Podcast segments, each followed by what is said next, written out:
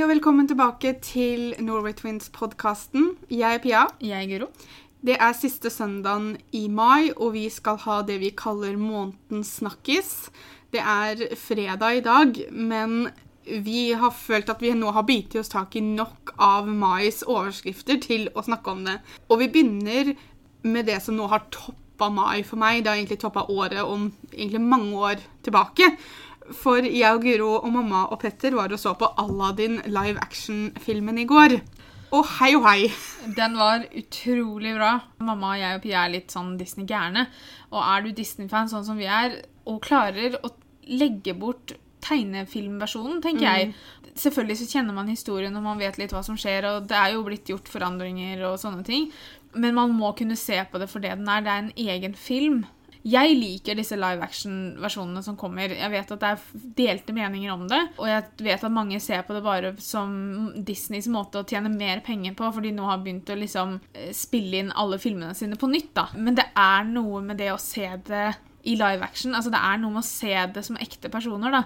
Jeg var jo veldig stor fan av uh, Beauty and the Beast når den kom. Men den her slår den by far, liksom. Veldig mye bedre. Ja. Jeg klarer ikke helt å oppsummere hva jeg tenker om Aladdin engang. Jeg satt i to timer i går og nikoste meg. Det begynte å regne når jeg gikk hjem fra kinoen, og jeg brydde meg ikke et dugg. Jeg var sånn, vet du hva? Greit, jeg blir våt. Det bryr jeg meg ikke noe om, for jeg har vært og sett på Aladdin. Altså, det var noe helt magisk eh, som skjedde i den kinosalen. Og jeg vet at han har fått veldig bra kritikk. Jeg må si at jeg beit meg veldig fast i VGs anmeldelse av han, som fikk en terningkast to. Hvem er det som har sett denne filmen? Altså, det står jo selvfølgelig hvem som har skrevet anmeldelsen, men han trenger vi ikke å dra fram nå.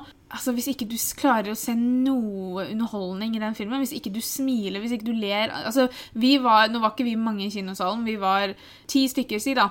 For vi gikk på den ganske seint i går. Men altså, vi lo høyt. Yep. Alle jeg sammen. trodde jeg skulle dø på et punkt der, fordi jeg klarte ikke å slutte å le i tre minutter eller et eller annet. Nei. Og det ble egentlig bare verre og verre og verre og verre. Og verre, og jeg satt der og tenkte må jeg gå ut av kinosalen, for jeg var hakket før jeg bare satt og hyla. Altså, så jeg, jeg blir litt overraska, da, må jeg si. Samtidig så vil jeg understreke at alle har ikke lik smak, og Nei. alle kan ikke like alt like mye og sånne ting. Nå vet ikke jeg åssen dette funker, men hvis man skriver en filmanmeldelse for en avis eller et blad, eller hva det nå måtte være, skal man skrive ut ifra sin egen smak? Skal man ikke se litt objektivt på det? Jeg ville vel kanskje gjort det isteden, hvis jeg ikke likte den, da. Si at det her er en mann i 50-åra, hvem vet. Så ville jeg kanskje skrevet at dette er en film som passer bedre for folk under 20. ikke sant? Altså, da ville jeg liksom sagt at ok, det er kanskje ikke noe for For hvis ikke du har et forhold til Disney fra før, hvis ikke du har et forhold til Aladdin, hvis ikke du, hvis ikke du liker sånn Altså, hvis du hater fantasyfilmer og blir sendt på Harry Potter-filmene, så selvfølgelig vil du ikke like dem. Men da må man også tenke er det riktig person til å anmelde en fantasyfilm? Da bør man kanskje heller sende en som er veldig glad i fantasy, som kan treffe det publikummet. på en måte. Fordi at Hvis en Harry Potter-fan eller en fantasy-fan går og leser anmeldelser av fantasy-filmer, og så hele tiden se dårlig kritikk det, Jeg syns det blir litt urettferdig sånn ståsted. Ja, men, nå, igjen, nå vet jo ikke vi åssen det fungerer sånn når Nei. du skal skrive for en avis. Jeg leser gjerne reviews og øh, artikler som det her om Mm. filmer. Men jeg er også litt sånn at hvis jeg har bestemt meg for at jeg har lyst til å se en film, så kommer jeg aldri til å forandre mening hvis, hvis han får en toer, for jeg har lyst til å se den. Nå Ja. er jeg også litt sånn at jeg har det med å like de filmene som ingen andre liker. Det står, for Han har faktisk skrevet her at uh, han syns ikke denne her var noe bra. da. Og så står det 'Dette hilsen meg, den eneste anmelderen i hele verden som hadde varme følelser for Disneys forrige live action Dumbo'. Så han likte Dumbo, da. For den har tydeligvis ikke mange likt, da. Akkurat det har jeg faktisk ikke fått med meg. Men det er litt mer for at jeg skyer jo Dumbo som pesten, for jeg vet at jeg kommer til å grine så fælt. Han skriver også det at det er et par av sangene som kan oppfattes som støtende i 2009. Nei, 2009, 2019. Og de er tatt bort. Jeg, nå må jeg tenke, for jeg kan ikke huske om hvilke sanger er det som er borte. Jeg vet jo det at Speechless er jo en egen sang som de har skrevet til Jasmin, som hun synger, men jeg, da er det jo tydeligvis ikke en av de populære sangene, siden vi ikke har lagt merke til det. Nei, for det var liksom ideen med at sangene også er like, og noen kan oppfattes som støtende i 2019, og at noen er tatt bort. Snakker han om Aladdin eller Dumbo nå? For det er jo den Dumbo-sangen som var veldig støtende. Nei, men altså, det er, det, han snakker jo om å skrive om Nå er han ferdig med å snakke om Dumbo, forhåpentligvis. Ja, for det er snakk om han sammenligner Speechless med Let It Go. Ja, det, akkurat den sammenligningen ser jeg vel litt grann sånn Samme sånn feelingen på sangen, i hvert Ja. fall. Men jeg, jeg klarer ikke å komme på noen sanger som er tatt bort. Men da er det jo ikke noen sanger som han savner, tydeligvis. da. Nei, han bruker også uttrykket woke. Da detter jeg av, vet du. Hva betyr det? Jeg vet ikke. Det er det samme som litt. Ok. Ja, Ja, nei, da, da, da, da henger ikke disse to 34-åringene med i svingene. Nei, men uansett, hvis du følger Altså, jeg vil anbefale da, å se bort fra den anmeldelsen, og så gå og se og heller gjøre opp din egen mening om den. Den er verdt de 175 kronene jeg måtte betale i går. Ja. Den var ufattelig bra. Jeg tror Aladdin live action-filmen har hoppa godt opp på lista over mine favorittfilmer of all time.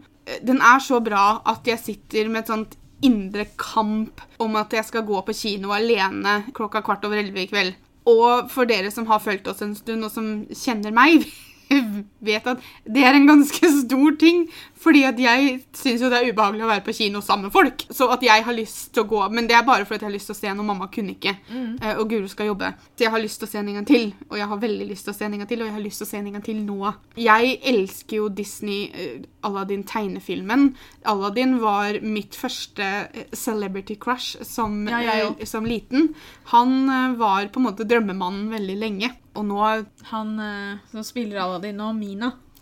Han, er ikke akkurat noe mindre drømmemann, han da. Han var litt dreamy, altså. Spesielt det. Som Aladdin. Jeg, nå tror jeg det også går på at jeg syns Aladdin er en veldig sjarmerende karakter. Ja, Og da hjelper det ikke liksom det at han er ganske nydelig, og han som spiller den. nei.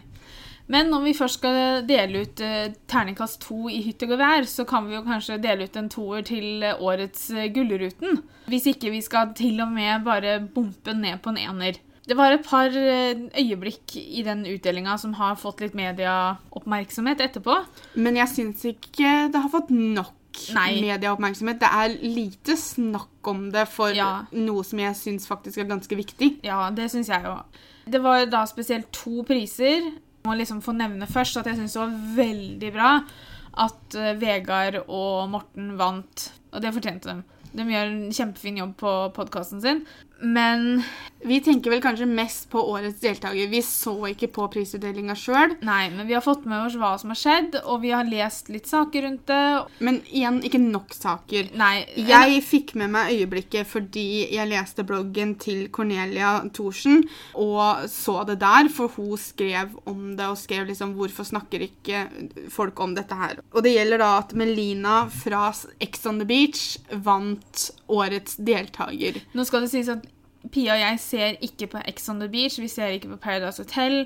Det er vanskelig å ikke få med seg ting, fordi Ja. at de tar jo over media når disse sesongene holder på. Mhm. Jeg er ikke helt enig i den type program, men det er fordi det ikke er min smak. Ja. Jeg skal ikke sitte og si at det er ræva program bare fordi jeg ikke liker det, men jeg Jeg, jeg syns får vondt i hjertet mitt og hjernen min når jeg ser på det. Altså, Jeg syns det er synd med sånne programmer fordi at det er ganske mange yngre mennesker som ser på det. Altså Ganske unge seere, helt ned i 13-14-årsalderen, som var helt frelst for det. Mm. Og som hele tiden spurte oss om vi så på det og ville snakke med oss om det. Og vi liksom Altså, vi vet, ikke, vi vet så vidt hvem alle folka er, på en måte.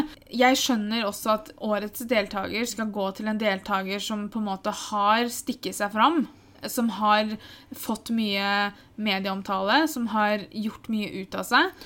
La oss si det på den måten, da. At jeg har ikke noe imot at en deltaker fra Ex on the Beach eller Paradise Hotel hadde vunnet. Nei, nei. Men hvorfor er det et menneske som har brukt tida si på et TV-program til å mobbe og være helt jævlig? Ja, og det jeg syns var veldig spesielt, var jo det at når hun ble Altså, de viser jo alltid klipp, da, så for at du skal vite hvem denne personen er, ikke sant? Så Ja, og Sånn det, som man alltid gjør. jeg hadde ikke visst hvem det var. Det må jeg, jeg har jeg hørt navnet. hvem, jeg visste hvem hun var, for jeg så det samme som de har brukt som hennes liksom, lille snutt, Mm. så jeg fra traileren eller promoen til Ex on the Beach og tenkte at nei takk, det her er ikke noe for meg. For snutten de har brukt, er jo når hun sier liksom denne fine, det fine sitatet sitt om at eh, du er bleik, du er stygg, du er feit. Jeg skal innrømme, jeg vet ikke hvor lenge hun var med, eller om man vinner, eller hva man gjør på Ex on the Beach, men Men hun må ha sagt noe Hun- bedre Ja, Hun hun- må ha hatt et bedre øyeblikk enn det ja. Og det er det jeg mener. Altså, i alle episodene. Ja, fordi at når du viser det, så er det som Cornelia skriver i sin blogg, at uh, her er det en som var skikkelig fæl mot et annet menneske. Det kan kategoriseres som mobbing. Altså at Du sitter der og slenger fra deg sånne stygge ord og stygge ting om en person, og så skal du få en pris for det. Jeg har snakka med Cornelia og fått lov til å lese et utdrag av det hun har skrevet på bloggen sin. For jeg syns det var veldig bra skrevet, og det er et viktig poeng å få fram også. For Cornelia skriver Og nei, dette handler ikke om at hun som person, eller at hun har meldt seg på Ex on the Beach, eller at hun i det hele tatt har sagt det hun har sagt på TV. Men hvorfor skal man gi en pris for det? Hvorfor skal vi vise unge at sånn oppførsel blir man belønnet for? Jeg greier ikke å skjønne det. Vær akkurat som du vil. Jeg driter i om du opererer deg fra ørene og ned, eller om du melder deg på ditt eller datt. Men ikke belønn en person for å ha vært jævlig fordi det har vært bra TV i gåsetegn. Ja, Og det er så sant. Jeg og Guro kjenner ikke Melina. Vi, Nei, vi, som sagt, vi ikke. har ikke sett henne på TV engang, så jeg kan ikke uttale meg som hun, om hun som person. Og det her går ikke nødvendigvis på hun som person heller. Det går på Juryen har gitt henne en pris for å være fæl mot andre. Ja, for det jeg setter spørsmålstegn ved, er TV 2 og Gullruten-juryen. Mm. For det første, hvorfor er det det klippet de har valgt å bruke? Det kan nok være fordi at det er det folk husker henne fra. Altså, Det er hennes kjente greie fra Ex on the Beach, Ja, jeg. og det er jo bare enda en større grunn til at hun aldri skulle vært nominert i første omgang. da. Ja. For hvis det er det hun, hvis det øyeblikket er det de mener at hun er verdt en nominasjon for, Ja. så har de jo Må man sjekke prioriteringene sine, tenker Ja, jeg. og det, jeg klarer ikke For jeg skulle ønske Gullruten kunne ha sluppet en statement eller et eller annet. De kunne forklart seg hvor, hvor ligger begrunnelsen for at dette øyeblikket og denne deltakeren var bra nok til å vinne. Ja. For ut ifra det vi har sett og ut ifra det vi har lest, så syns jeg ikke det er noe som man skal bli belønna for. Nei. Og det var også et lesebrev i VG. Fordi at det, Jeg vil ikke kalle det morsomt, men jeg og Robin satt og diskuterte det her på 17. mai. Fordi at jeg snakka om det at jeg hadde lest det på bloggen til Cornelia. Måtte jeg forklare Robin litt grann situasjonen, for han heller har jo ikke sett disse programmene. Vi var jo ganske enige begge to om at dette var jo helt høl i huet. Og så sendte han meg en sak på morgenen på 18. mai, for da hadde han lest noe i VG som var på en måte akkurat det vi satt og sa eh, på 17. mai. Og det er debattinnlegget fra Line Victoria Husby Sørensen. Og det også var veldig, veldig bra skrevet. Og det het Her har du en gullrute-bitch. For igjen, la oss understreke at det her er ikke det at jeg og Pia sitter og har noe imot Melina personlig, for vi kjenner ikke henne. Det eneste vi kjenner til med henne, er hennes den personligheten hun har vist på TV. jeg får ikke gjort noe med hvordan folk oppfører seg. Og hun oppfører seg og sier ting Noe blir sikkert også litt vridd i klipping og sånne ting. Det heller kan man jo ikke si noe på. Og det er ikke egentlig hun jeg sitter med problemet for. Jeg sitter med et problem med at Gullruten har nominert henne og gitt henne selve prisen. Og det Ja. har egentlig ikke så veldig mye med henne å gjøre sånn sett. Det har med at Gullruten har valgt å hedre dette her. Ja, og det Og en sånn type oppførsel, og Ja. det syns jeg er skikkelig dårlig av Gullruten. Ja, Gullruten er La oss kalle det problemet. Altså, Ja, tror, for jeg syns de tråkka i salaten litt seinere òg, ja, for jeg tror de har hatt solstikk eller noe sånt i år, egentlig. Eller så har de glemt Kanskje det var et par kategorier de ble litt stressa med, eller noe sånt, så de har kasta pil og, eller sånn dartpil på hvem som skal vinne, eller hva det er for noe. De har jo også gitt årets øyeblikk til noen fra Charterfeber som Sliter med å skru på en lysbryter, eller som ikke får skrudd på en Om det er det at Altså, Guro og Petter har vanskelige lysbrytere hjemme hos seg. Det er knapper som gjør alt mulig rart, og jeg treffer aldri riktig uansett. Men det er ikke noe årets øyeblikk av den grunn. Nei, for neste gang så bør jeg jo filme det, så kanskje jeg kan vinne en Gullruten neste år. Det synes jeg du skal. Um, Vi tviler ikke på at det her var et morsomt øyeblikk. Nei, det var det helt sikkert. Men når det er nominert sammen med Solveig Kloppen, som sitter og synger for sin døende mor, og du gir prisen til Noen som tydeligvis måtte leve på et mørkt hotellrom, da. Ja, så igjen, jeg bringer opp dette med solstikk. Altså, da, da har du vært for lenge ute i sola uten caps eller noe. Ja, og det øyeblikket med Melina, når hun sier denne berømte setningen sin, var nominert i samme kategori, de også. Den også der. De skal ha for at de ikke lot hun vinne der òg, da. Mm. Sånn sett. Altså, da må du, du må skille det i så fall, da. Ha årets morsomste TV-øyeblikk og gi folk som ikke klarer å slå på en lysbryter, den prisen. Og så har du årets TV-øyeblikk, som var da et nydelig, trist, men vakkert øyeblikk mellom Solveig og mora si. Ikke sant? Altså, skill på det. Ja. For det går ikke an å sammenligne. Det er så på totalt forskjellige ender av skalaen som det går an å bli. Og hvis vi ser bort fra det at ikke jeg syns man skal belønne sånn type oppførsel og sånn type språk som Melina brukte, så syns jeg vel det er bedre at hun var nominert i da det som vi syns skulle vært årets morsomste TV Selv om det ikke er morsomt, misforstå meg riktig. riktig. Ok, la oss kalle det et sånn type øyeblikk fra en sånn type serie, da, hører kanskje bedre inn i sånt øyeblikkskategori. Mm, ja, Ikke i samme kategorien som Solveig Kloppen, Nei. men i en sånn type kategori enn at hun får årets deltaker. Ja. Selv om igjen, jeg syns ikke hun skulle vært nominert noen av stedene. Jeg syns ikke noe om å belønne sånn type Det å bare bli nominert er, Ja, altså er veldig bra. Bruk et ah, altså, Hun må da ha gjort noe som var litt morsommere enn det her i løpet av den tida hun var med på den serien. Ja, altså, Hun må jo ha sagt noe bedre enn det her. Hvorfor er det her det de har brukt? Hvorfor er det det de velger å sette lys på om igjen og om igjen? Jeg Ja. skjønner ikke TV 2 og Gullruten her. Ikke heller. Det var jo selvfølgelig mange som vant som fortjente det, og som var helt greit, men noen kategorier skulle vært eh, gjort om i dag. Og hvis.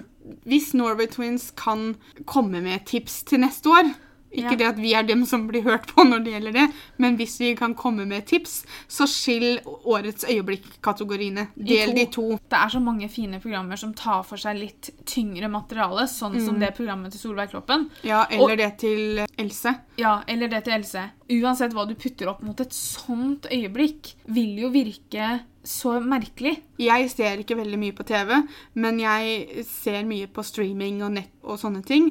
Og det lages utrolig mye bra TV-program for tida. Det er veldig mange som setter lys på ting som ikke snakkes mye om. Mm. Sånn som Solveig har gjort, sånn som Else gjør med dette Nå husker jeg ikke hva det heter. men... Else om selvmord. Ja, det er ting som ofte blir hysja ned, Mm. men som det er veldig lærerikt og viktig for andre å uh, se på. De hører ikke sammen med Lysbrytere og program som Charterfeber og Ex on the Beach og Farmen og, og sånne ting. Det, det, det, er ikke, det er ikke samme Jeg vet ikke hvordan jeg skal forklare det engang, men det er ikke samme kategori. Det er ikke samme type TV. Altså det er litt sånn, det er en grunn til at alle prisutdelinger har forskjellige kategorier. For det er visse ting du ikke kan måle opp mot hverandre. ikke sant? Ja. Fordi åssen måler du det opp mot hverandre? Og det er det jeg ikke skjønner de liksom mener at de har klart. Nei, altså det hadde Og det vært ikke veldig... de klart heller. for Det hadde vært veldig interessant å få høre juryens forklaring på hvordan de kom fram til vinnerne. Hva kriteriene er, hvorfor begrunnelsen for at akkurat Charterfeber vant det, og hvorfor hun vant. Hvis vi skal gå litt videre, så er det jo da, vil jeg jo si at i kategorien årets rareste avisartikkel, så har Dagbladet skrevet om eh, Sparburgeren. Når jeg så overskriften, for da hadde jeg snakka om det at denne måneden snakkes skulle være ting som har vært i media i det siste. Det er jo ikke det hver måned, men denne måneden så ville vi ha det til, så vi hadde snakka om det. Og så bladde jeg tilfeldigvis gjennom Dagbladet, og så popper det opp Sparburger. Jo, vi kunne jobba med stylingen. Og så tenkte jeg ja, dette høres ut som en artikkel jeg kanskje har lyst til å ta med i denne saken. Fordi at jeg har spist eh, burger fra Spar opptil flere ganger. De har en asiatisk ribs-burger som er himmelsk god. Det, altså, man kommer ikke unna det at det er et hamburgerbrød med spareribs inni. Okay. Det er ikke noe salat, det er ikke noe grønnsaker eller noe sånt. Skulle du tatt bilde av den burgeren, så er det jo det det er. Det er burgerbrød og kjøtt. Og det var da det som var problemet eh, med denne Spar-burgeren. Den ser litt kjedelig ut på bildene. Det er Husets hamburger da, som er på bildet, og så er det hamburgerbrød, det er en burger, og så er det en osteskive på. Og jeg så det at De hadde jo til og med liksom satt spørsmålstegn ved det at osten på hamburgeren er smelta. Og det pleier du aldri å se på bilder av hamburgere. Da ligger det liksom en osteskive som du ser klart og tydelig er en usmelta Ja. eh, osteskive. Det første jeg kommer på når jeg tenker på det her, er hvis ikke det er noe mer på burgeren, så kan det ikke være noe mer på bildet. Fordi det, det du ser på bildet, er det du forventer å få i, i burgeren. Så hvis de hadde lagt på oh, frisk grønn salat og kanskje en tomatskive, oh, se så flotte farger, og det er så fint og fantastisk, så er jo det det jeg hadde forventa når jeg lokka opp pakningen. Og hvis det da hadde bare ligget en hamburger, en osteskive og et hamburgerbrød inni der, så hadde jeg blitt sånn, unnskyld meg, men hvor er denne friske grønne salaten og tomatene mine? De har jo snakka med eh, Hanne Evensen i saken, og hun er informasjonsrådgiver i Spar. Og hun har jo tatt på seg kritikken og sagt ok, greit, han ser jo kanskje litt kjedelig ut, men det hun også sier, er jo det at de kan ikke beskyldes for uærlig reklame, for, fordi at det du ser på bildet, er det du får. Kanskje ikke på sånne veldig fine restauranter, men veldig ofte hvis du går på sånne fast food-kjeder og sånne ting, til og med bare på McDonald's, ser burgeren din virkelig sånn ut som han gjør på bildet, til og med på McDonald's? Han gjør jo ikke det. Det er jo veldig pynta på bilder de bruker. Altså, ta en McChicken, for eksempel. Da. Aldri sett en burger med så mye salat før. Nei, og det har han jo ikke på bildet. Nei, og når du lokker opp, så er det nesten så salaten møter deg i døra på en moment, ikke sant? Altså, Og så er det, det går fort. Det er fast food, ikke sant? Så det er sånn crash, crash, crash. På med burgerbrød, og så ned sjakta, eller hva det heter for noe. Jeg skal ikke sitte her og si at jeg er noe ekspert, men jeg har studert markedsføring. Det var en liten del av utdannelsen min. Der var bilder en veldig stor del, og det var en viktig del. Men jeg syns den hamburgeren ser god ut. Det syns jeg òg. Jeg hadde kjøpt den ut ifra det, men Pluss at det her er et bilde fra deres reklameavis. ja, som du var inne på, da. Da forventer vi ikke noe mer heller, da. Nei, og, og jeg skjønner, for det her er en burger fra et varmeskap. De lager opp det på morgenen, og sikkert utover dagen og etter hvert som det trengs mer, men du, de, de lager det om morgenen, pakker det inn, og så ligger det i varmeskapet. Hvis du tar salat i ommen, da, ikke selvfølgelig på sterke grader for at det skal etterligne et varmeskap, så blir den ganske vassen og bløt og ikke så veldig appetittlig, den heller. Så hvis du hadde hatt salat på, eller tomat Altså, tomat går an, for tomat kan du spise varmt, på en måte, sånn sett. Det jeg kanskje reagerte på, var vel at de hadde fått en egen avissak i Dagbladet. Fordi Ja, for Jeg husker du fortalte meg om det, for du sa jo det at nå hadde Dagbladet ingenting å skrive om, så de har nå gått over til å kritisere Altså, Nå sitter de og blar i reklameavisene, og så aha, det bildet her var ikke helt fint. Vi, Mm. vi snakker om, La oss skrive en sak om den, da. Altså Det er bilde av burgeren når han står på en planke, så det er kanskje ikke så livlig farge rundt heller. da. At det er det de mener, at de kanskje kunne ha sprusa det opp litt med litt farger rundt hamburgeren. Men jeg setter mer pris på reklamer som forteller meg sannheten, enn reklamer som gir meg et bilde av et produkt som ikke er det samme som du får når du faktisk kjøper det. Det jeg også syns er veldig spesielt, er jo at de i saken har også kontakta og snakka med Craig Whitson, som er en sånn hele Norges grillkonge, eller hva jeg skal kalle han. Ja, for han, han er fra Amerika. Ja, jeg har sett den ha noe sånn grillprogram. Han var med på Firestjerners middag, blant annet. Og det er jo grilla og ordna og sånn. Og så skal de ha liksom hans synspunkter på denne, på denne hamburgeren. Men Guro, tenk på det fra hans side, da. Hvor ofte er det avisene trenger uttalelser fra grilleksperter? Han har jo endelig fått brukt ekspertisen sin til noe medierelatert. jeg bare, jeg bare syns det blir så Som regel så snakker de jo bare med psykologer og politifolk og sånn. Ja, nei, det- Endelig så kan hele landets grillkonge komme med en uttalelse også. Jeg- jeg Og hvem ellers skulle de snakka med for Ja. å få ekspertråd på en sånn sak, da? Altså, han kunne godt hatt sånn mann i gata-type ting, da. Jeg forstår meg ikke helt på det, men jeg, jeg trenger kanskje ikke å forstå alle avisartikler som er der ute, men jeg, jeg syns det blir litt spesielt, da. Det litt morsomt. Det var morsomt å lese den, da. Det var det. Noe som ikke har vært så veldig morsomt å lese om den siste tiden. Disse diskusjonene rundt abortlover som er om dagen. Blitt en del diskusjoner om det fordi det er ganske aktuelt i USA for tida. Det er litt heftige situasjoner i USA. Ja, abortloven er vel ikke noe jeg noen gang har satt meg inn i. Jeg vet han er der, og jeg vet at det er fint at vi damer har et valg. Jeg har alltid vært en sånn person som har sagt det at jeg personlig tror ikke jeg kunne tatt en abort, men jeg er 100% for at alle damer skal få lov til å velge det selv. Det er en personlig sak. Ja. Du kommer alltid til å ha litt personlige følelser om det. Mm. Men mine personlige følelser om noe kan ikke bestemme over alle damer. Nei. For jeg er ganske enig med deg at Og det går ikke på det at, jeg, at det er noe prinsipielt bak det. Mm. Det er bare at jeg tror ikke jeg hadde klart å ta en abort. Selvfølgelig, det fins unntak. Mm. på min egen regel også. Det Ja. fins unntak, det fins situasjoner der kanskje saken hadde vært litt annerledes. Under normale omstendigheter så hadde jeg ikke klart å ta abort. Men det betyr ikke at jeg kan sitte her og si at men da skal ingen ta abort. Fordi at ingen sin situasjon er lik, ingen sin følelser er lik. Noen har helt ærlig ikke lyst på barn, og det må respekteres. Og det å, det å ikke ha lyst på barn betyr ikke at du ikke skal kunne ha sex. Nei, for det er det de bruker som argumentasjon. er jo liksom det at ja, men da må de bruke beskyttelse. Har vi lært én ting av Friends, folkens, så er det det at beskyttelse fungerer ikke 100 av tiden. Det står på pakninga. Ja. Ikke bare det, men det er som du sier, det er veldig mange som beskytter seg, men allikevel så er det en annen sånn eh, liten sånn ikke sant, som sniker seg gjennom og Også, finner seg et egg, og så blir det barn.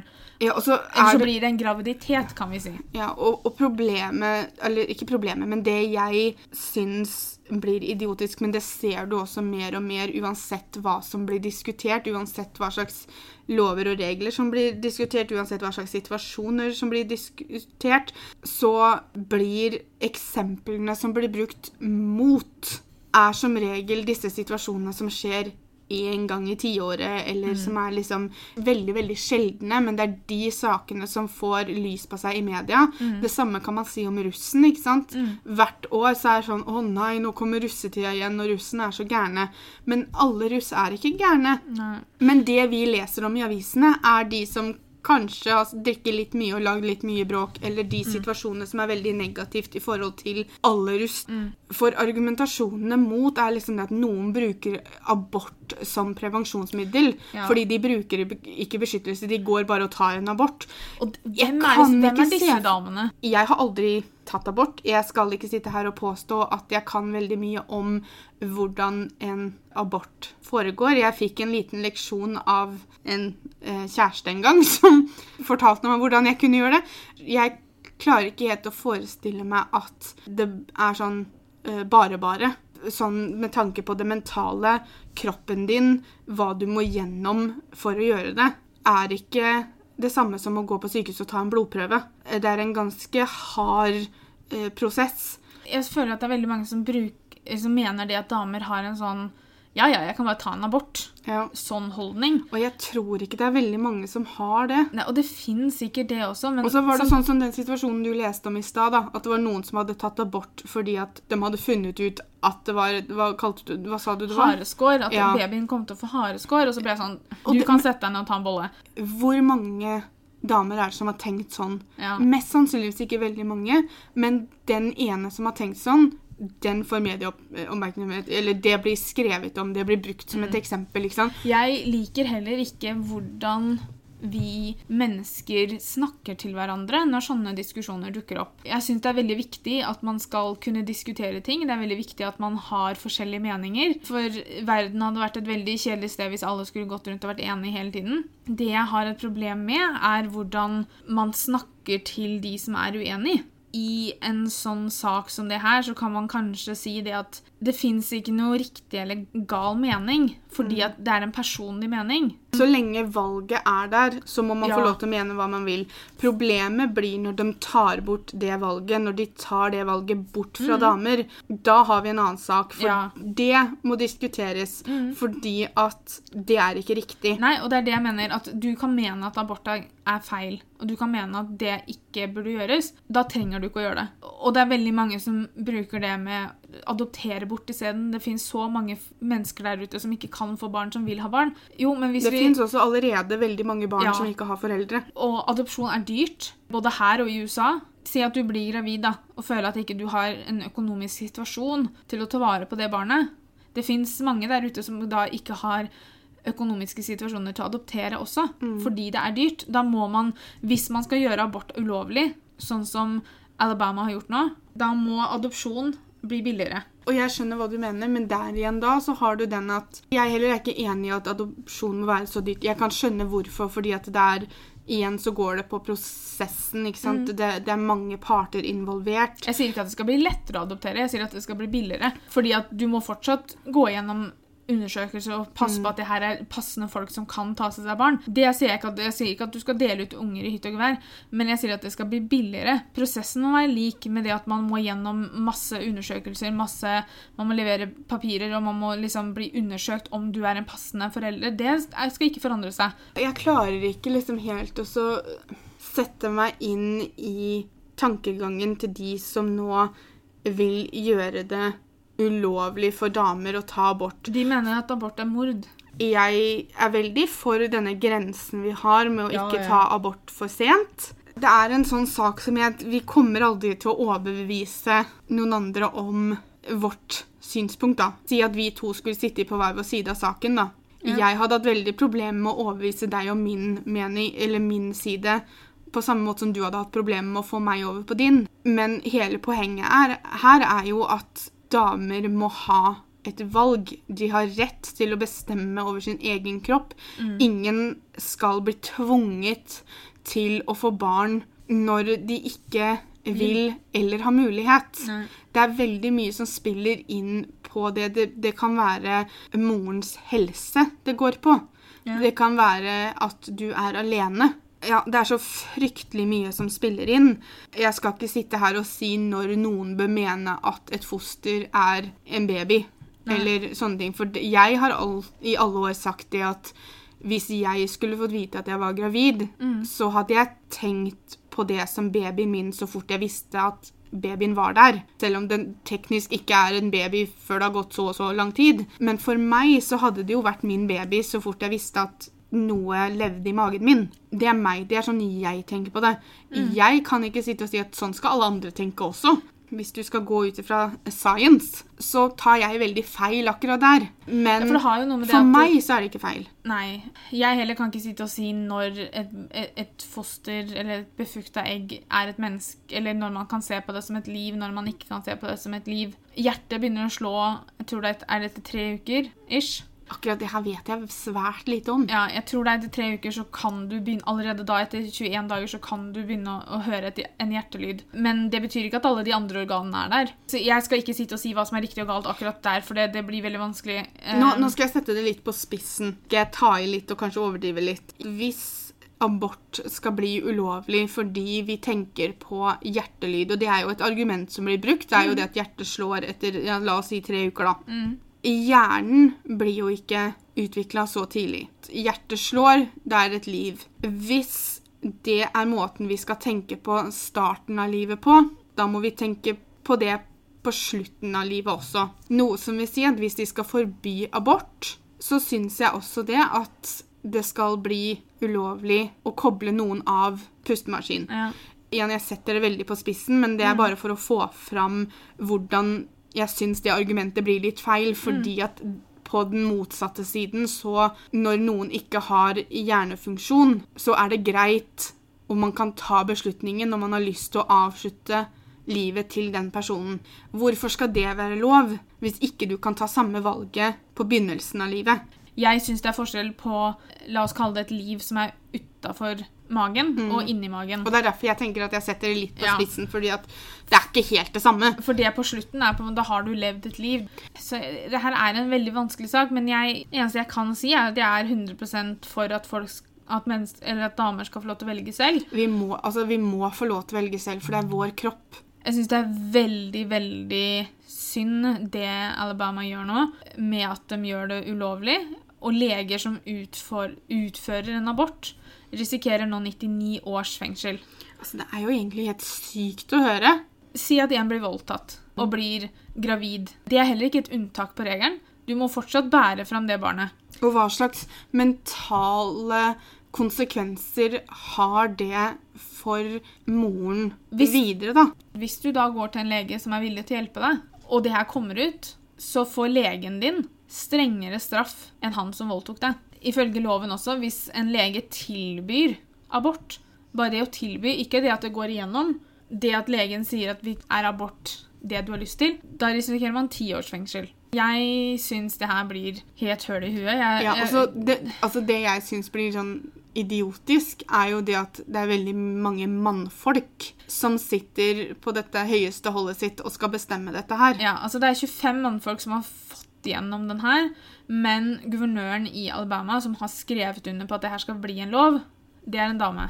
Det er mannfolk som har kommet opp med det, men det er en dame som har godkjent det. Nå har jeg lest masse kommentarfelt om det her. Jeg ble, her om natta så ble jeg liggende Jeg tror jeg lå i to timer og leste kommentarer under et bilde som Kirsebærhagen la ut. Mange av de som skriker høyest imot, er menn.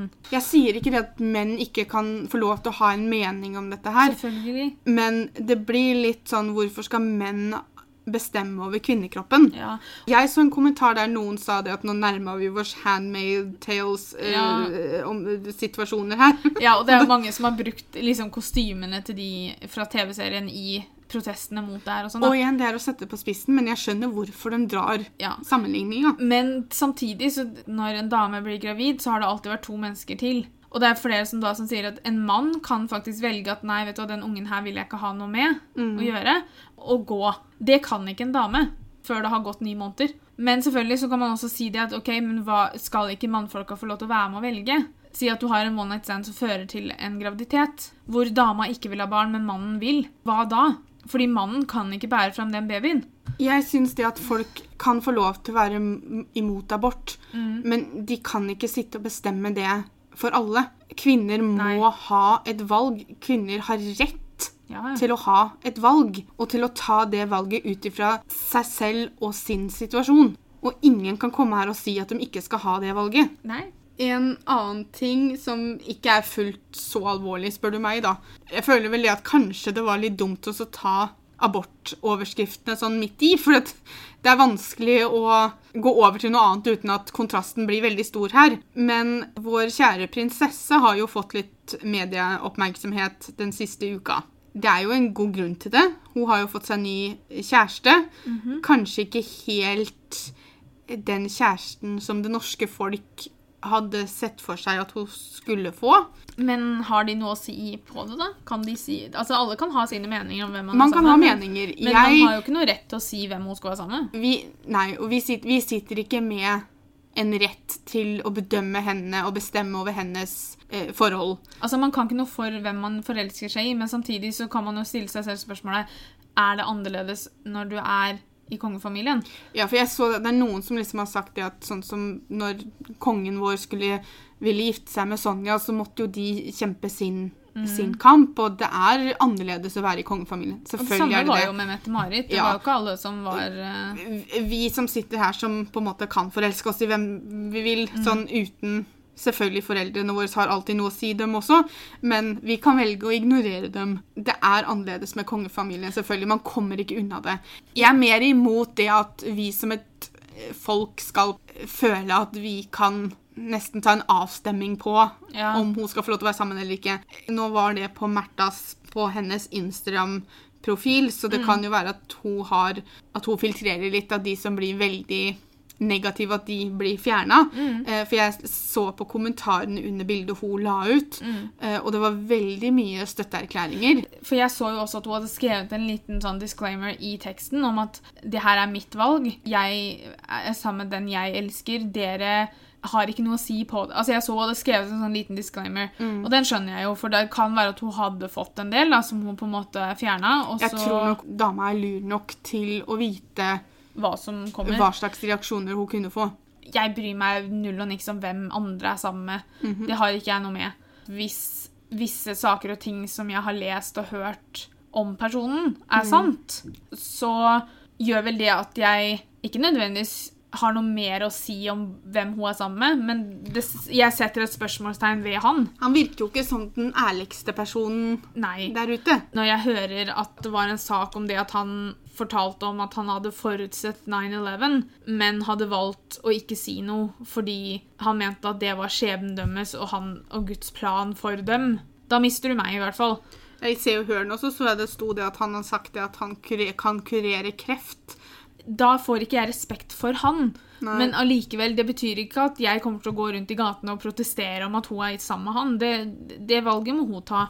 Ut fra mitt synspunkt så syns jeg det er en kinkig situasjon, for jeg vet ikke helt hvordan jeg føler om det. Han er en person som jeg ikke har lest veldig mye om. Jeg har sett den dukke opp i media her og der. Den gangen jeg virkelig lot merke til den, var vel fordi at de gikk veldig hardt ut mot Skavlan og måten delen av programmet de hadde vært med på, hadde blitt redigert eller et eller annet. Tror jeg er noen måneder siden nå. Vi snakka jo om saken på 17. mai, og det var da jeg lærte om alt dette andre greiene med svindel og Ja, ting han har sagt og Ja. Jeg har ikke sett like mye negativitet på internett som jeg trodde jeg kom til å se. Når jeg leste saken første gang, så tenkte jeg oi. Jeg tror folk er så glad i henne. At det blir en slags sånn beskyttelsesgreie også. Jeg tror nordmenn generelt er veldig glad i kongefamilien vår. Og man får en sånn beskyttelse over de man er glad i. Men jeg tror også at man nå har blitt litt vant til hvordan Märtha er, og hvem hun er som person. Og det, det er jeg helt for, for jeg syns man skal akseptere personer som de er. Men er det uærlighet inne i bildet, er det svindel, fanterier, for å kalle det det, så syns jeg ikke at man skal akseptere så lett. Men samtidig, jeg kan ikke sitte her og si hva som er sant og hva som ikke er sant, fordi at jeg kjenner ikke han personlig. Hun har en annen tro enn det jeg har. Hun tror jo på visse Jeg har lyst til å bruke ordet fenomener, men jeg tror ikke det er helt riktig i den situasjonen her. Jeg er ikke en person som er veldig opptatt av sånt som krystaller og tror på energien de har og Nei, jeg også var som deg. Veldig, veldig skeptisk. Helt til jeg traff et menneske og fikk en opplevelse som overbeviste meg om noe annet. Det her er en dame som jeg ikke kjenner godt, som jeg bare møtte gjennom et kurs. Som ikke hadde noe med det å gjøre i det hele tatt. Og det her var på en tid hvor jeg sleit veldig mye med vondt, vondter generelt. En dag når jeg skulle på det kurset, så hadde jeg veldig, veldig, veldig vondt tenkte med meg sjøl at ok, jeg må bare komme meg på kurset og sette meg ned, og så kan jeg ta en smertestillende, sånn at den får tid til å jobbe mens jeg sitter på kurset. Det var det jeg trengte for at det skulle gå over. Og så kom jeg litt tidligere, og hun var den eneste som hadde kommet. Jeg satt alltid ved siden av henne, og jeg syntes det var kjempehyggelig.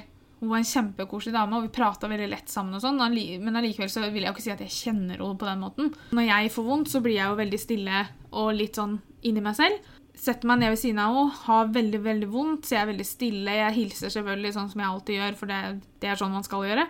tenker jeg nå må jeg bare ta den pilla. Nå, nå, må jeg få tatt smertestillende, sånn at det her går over. For ellers så kommer jeg ikke til å klare å konsentrere meg om noen ting som skal skje i dag. Merker jeg at hun ser veldig mye på meg, sitter jeg sånn som her, sånn som det her Dere ser meg jo ikke. Men jeg sitter liksom med henda på bordet foran meg. For hun snur seg liksom, hun vender seg mot meg, og så legger hun én hånd på skulderen min og én hånd på håndleddet mitt. Og så blir jeg bare kjempevarm inni meg. Og så blir jeg litt sånn Oi, hva, hva skjer nå? Den varmen, den bare fortsatte. Og før jeg egentlig rakk å tenke noe som helst, så var smertene helt borte. Og det her er smerter som ikke gikk over av seg selv sånn på et blunk vanligvis. Jeg ble litt sånn tatt på senga av det. Og så er det liksom sånn, hva sier man? Sier man takk? Sier man hva er det som skjer? Ber man om en forklaring? Hva gjør man? Så jeg bare så på henne, og så ser hun meg inn i øya. Jeg følte at hun så hele meg. Og så ser hun på meg, og så sier hun til meg de er så stolt av deg, og de passer på deg. Og jeg vet ikke om det var situasjonen eller hva det var for noe, men plutselig så begynner vi bare begge to å gråte. Jeg vet ikke nødvendigvis hvem de er. De menneskene jeg hadde i hodet, var besteforeldre som har gått bort, familie som har gått bort. Men hvem akkurat de er, det vet jeg ikke. Men den situasjonen for meg ble så sterk og så uventa. Og siden vi begge to begynte å gråte, da, så ble det litt sånn Spesielt fordi at det begynte å komme andre som også skulle på kurset, som kom inn og bare så at vi satt og gråt. Så de ble litt sånn 'Å, unnskyld', og så gikk de ut igjen, så vi fikk samla oss litt. Men etter det må jeg si det at det med healing, det at andre mennesker har La oss kalle det evner som ikke alle andre har, er ikke noe problem for meg å tro på.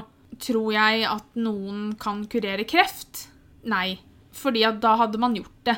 Da hadde man ikke holdt det for seg selv. Da hadde man gått rundt og hjelpa folk. Jeg hadde jeg håpa. Jeg deler ikke den opplevelsen her fordi at jeg skal overbevise noen, eller at jeg skal starte noen stor diskusjon om det her er sant eller ikke. Men det er jo din grunn til at du tror, da. Ja. Men samtidig, jeg er fortsatt skeptisk til mange aspekter rundt det. Men jeg har ingen problemer med å tro at visse mennesker har noe inni seg som kan hjelpe andre på noen måter. Jeg tror ikke at hvis det jeg hadde slitt med den dagen, hadde vært en spredt eh, blindtarm eller eh, hjerteinfarkt, eller noe sånt, så hadde det fungert på samme måte. Men jeg er 100 sikker på at noen mennesker på denne jorda er valgt ut til å gjøre livene til andre bedre og enklere og mindre vondt. Sitter du med evnen til å kurere kreft eller forutse katastrofesituasjoner hvor mange, mange mennesker mister livet. Si det at 'her er jeg, det her er det jeg kan, la meg hjelpe'. Du sitter ikke inne og tenker at dette er skjebnen og dette er Guds plan. Da gjør du noe med det. Sikkert mange som er uenige med meg, men det er min mening om saken. i hvert fall.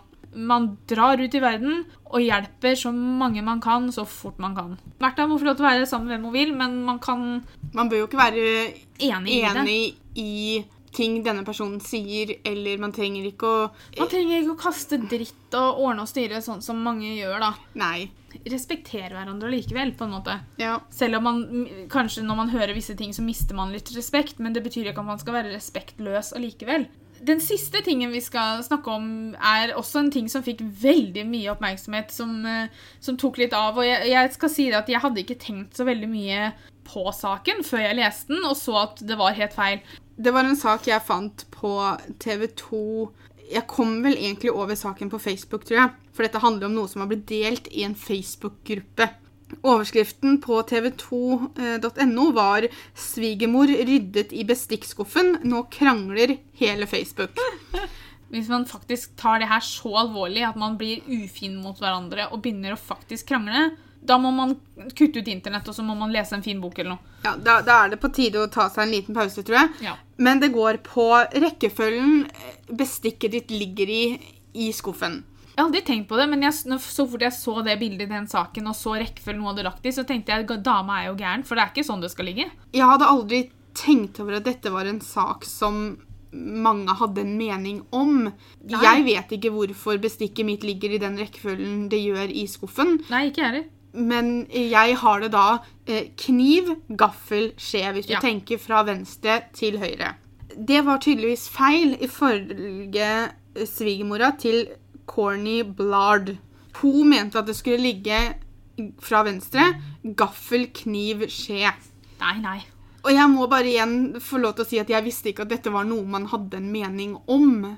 Jeg tror Nei. jeg har lagt knivene først fordi det er det jeg føler at jeg bruker mest. Ja, jeg også. Og det er derfor det har blitt bare den Ja, naturlige rekkefølgen. altså- For eksempel hvis du kjøper bestikk når det ligger i pakka, hva slags rekkefølge ligger det da? Skjea kommer vel alltid sist. Og så jeg tror det er kniv, gaffel, skje da. Altså. Ja. Pia, hva spiser du med? Ikke si bestikk. Når du spiser en biff, hva bruker du da? Kniv og gaffel. Jeg har aldri møtt noen som sier 'Å ja, jeg spiser med gaffel og kniv'. Nei, nei. Du spiser med kniv og gaffel. Altså, kniven skal først i skuffen, så gaffelen, og så kommer skjea som en sånn kusine som ikke noen sier så ofte. Men samtidig, altså, jeg går jo ikke rundt og, Nå kalte jeg jo gæren i stad, og det var jo ikke så pent.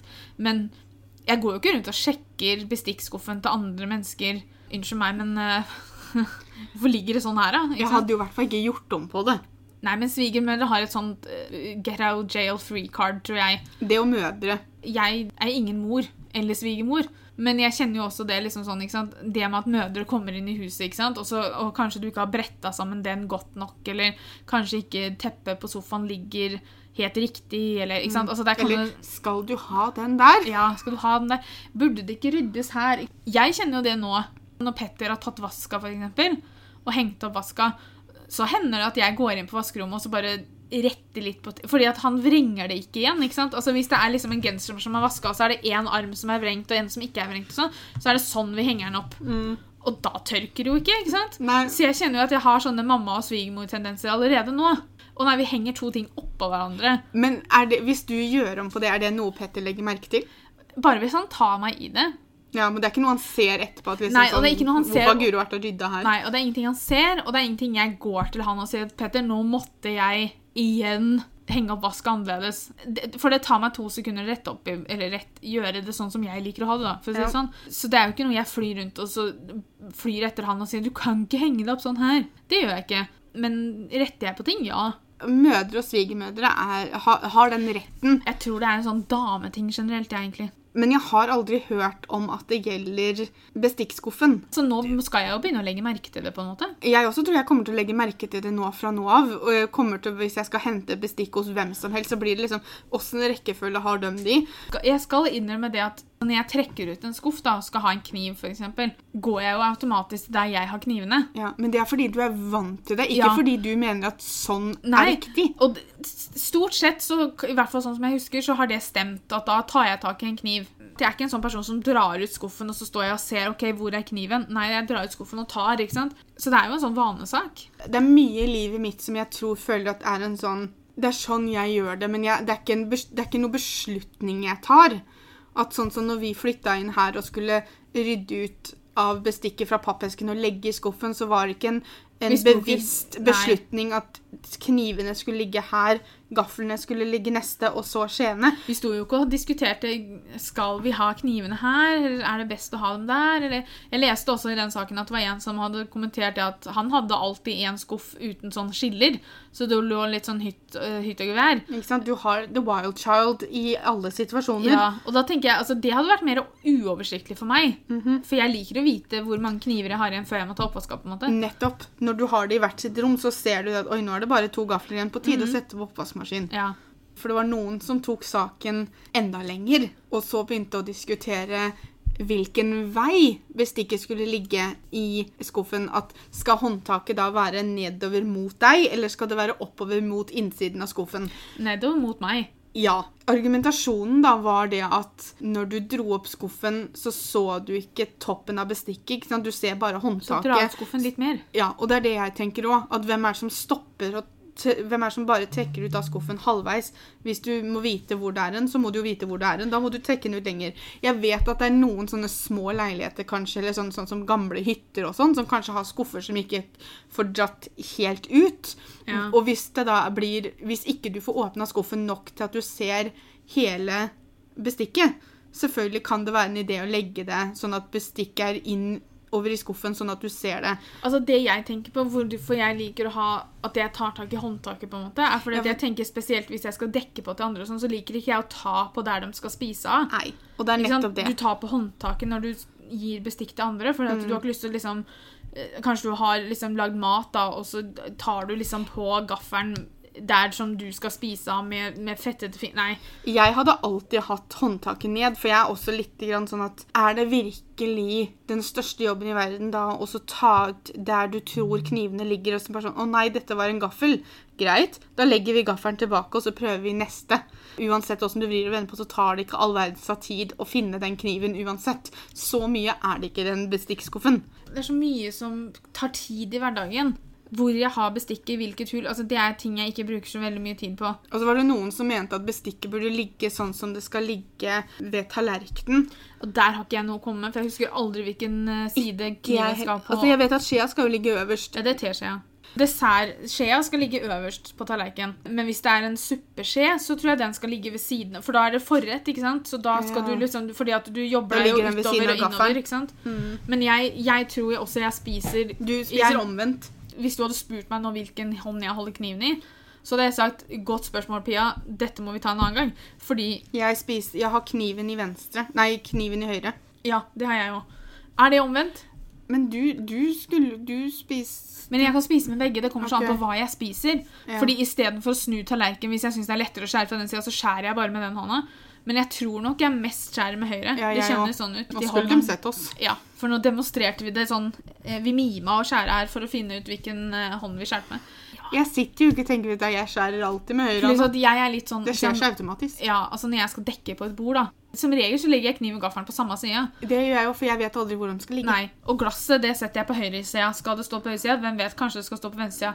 Det er visse ting i hverdagen jeg ikke tenker så veldig mye på. eller bryr meg om. Før det blir tatt opp, og da har jeg plutselig masse meninger om det. Men det er sånn klassisk, sånn klassisk eksempel på en typisk Facebook-diskusjon. Ja. For det er mye som kan diskuteres på Facebook. Er alt verdt å diskutere? Nei.